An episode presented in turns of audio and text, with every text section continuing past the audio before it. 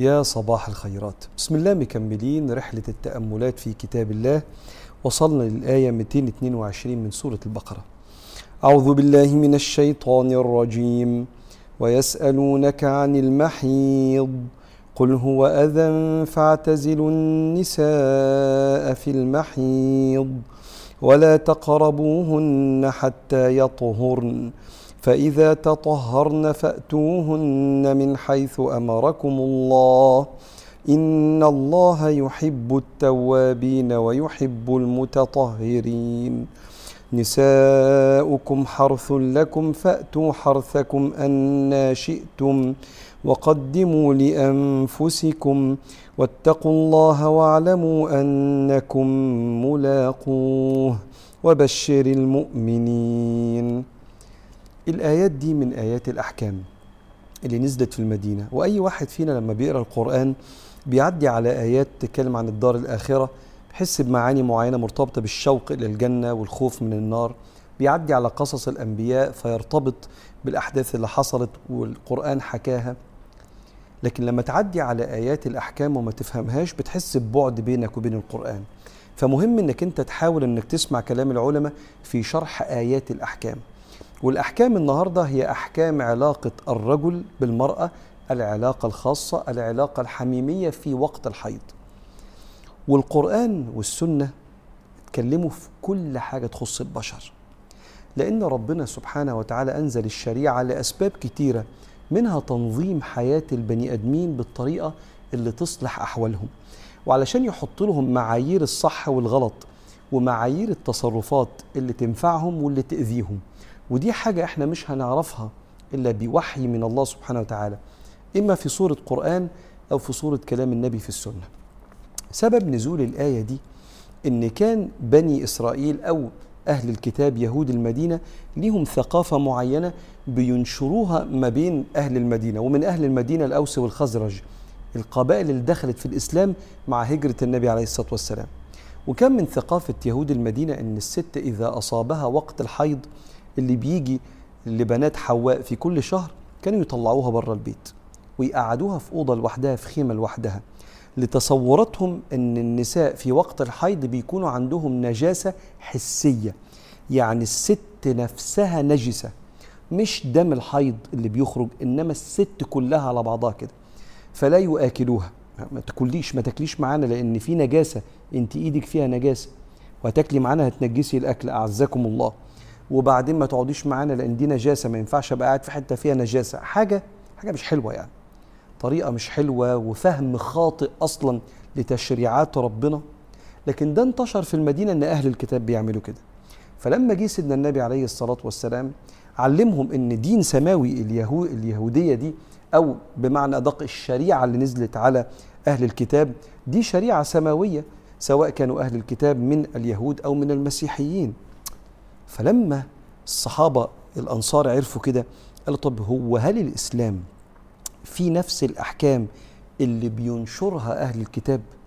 إن إحنا لما الست يكون وقت الحيض نطلعها بره البيت وما نتعاملش معاها؟ فجي السؤال من الصحابة. ويسألونك عن المحيض. يعني يسألونك عن طبيعة العلاقة مع النساء وبالذات العلاقة الخاصة الحميمية في وقت الحيض. ويسألونك عن المحيض. قل هو أذن أي أن هذا الدم وطبعا هنا بقى فيه مجموعة أحكام العلماء خدوها. قل هو أذن أي أن هذا الدم الدم نفسه هو اللي فيه نجاسة. قل هو أذن فاعتزلوا النساء في المحيض وهنا يدلك إنك ممكن ما تفهمش كلام القرآن إلا لما العالم يشرحه لك. اللي عنده أسباب النزول ومعاني كلمات اللغة العربية وفاهم الصحابة عملوا إيه؟ مش فاعتزلوا يعني يطردوهم بره زي ما كان أهل الكتاب بيعملوا. فانا اعتزلكم لا اعتزلوا الجماع العلاقة الخاصة فقط في وقت الحيض. قال فاعتزلوا النساء في المحيض ولا تقربوهن. وهنا بقى السياق بيشرح معنى الآية. لا تقربوهن حتى يطهرن. وهنا في حكمين. حكم الأولاني إن الست إذا تطهرت يعني الدم ارتفع ما ينفعش الراجل يقرب منها حتى تغتسل. عشان كده معنى ولا تقربوهن حتى يطهرن مش يطهرن من الدم يطهرن من الدم بتوقف الدم وحصول الغسل. ربنا بيقول فاعتزلوا النساء في المحيض ولا تقربوهن حتى يطهرن. رغم إن الست ممكن مثلا لما تطهر من دم الحيض الحيض يقف الدم قبل ما تغتسل ممكن الست تصوم حتى لو ما اغتسلتش. ما ينفعش تصلي إلا إذا اغتسلت. لكن إذا توقف الدم ودخل عليها وقت الصيام ينفع تصوم حتى لو ما كانتش اغتسلت. قال ولا تقربوهن حتى يطهرن. فإذا تطهرن فأتوهن من حيث أمركم الله.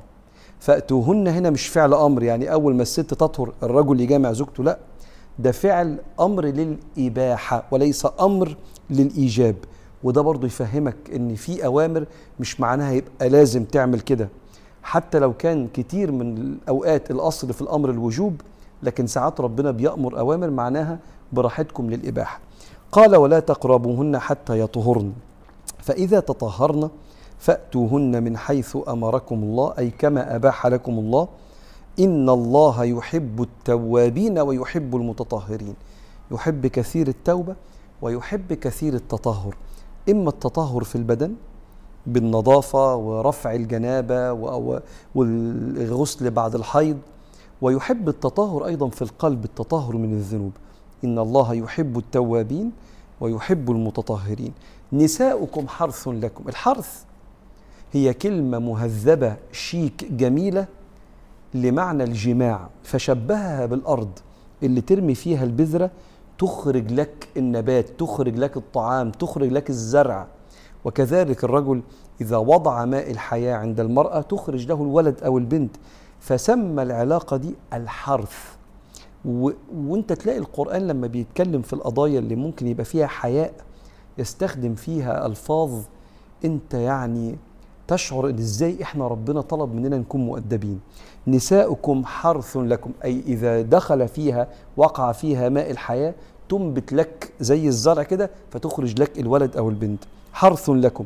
فأتوا حرثكم أن شئتم. أن شئتم يعني وقت ما تشاءون.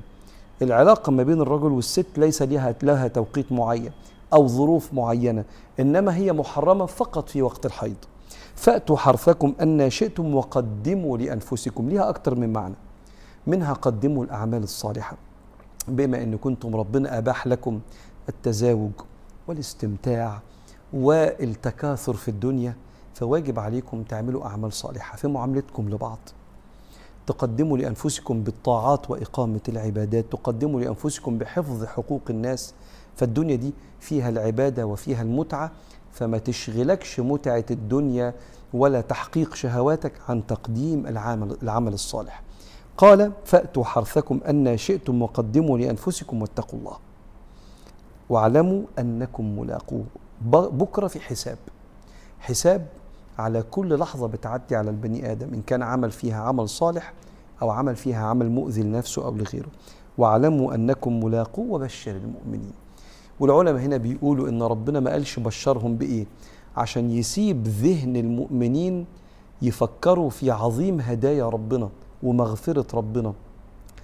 ومكافأة ربنا سبحانه وتعالى بأن التمرة تبقى قد الجبل وأن الذكر البسيط يغفر سنين من العمر وأن الكلمة البسيطة تبقى ثقيلة في الميزان وأن الابتسامة البسيطة قد تكون هي العمل الصالح اللي هيتقل ميزان الحسنات فيخف ميزان السيئات بسبب الصدقات اللي ممكن أصلا تبقى بسيطة.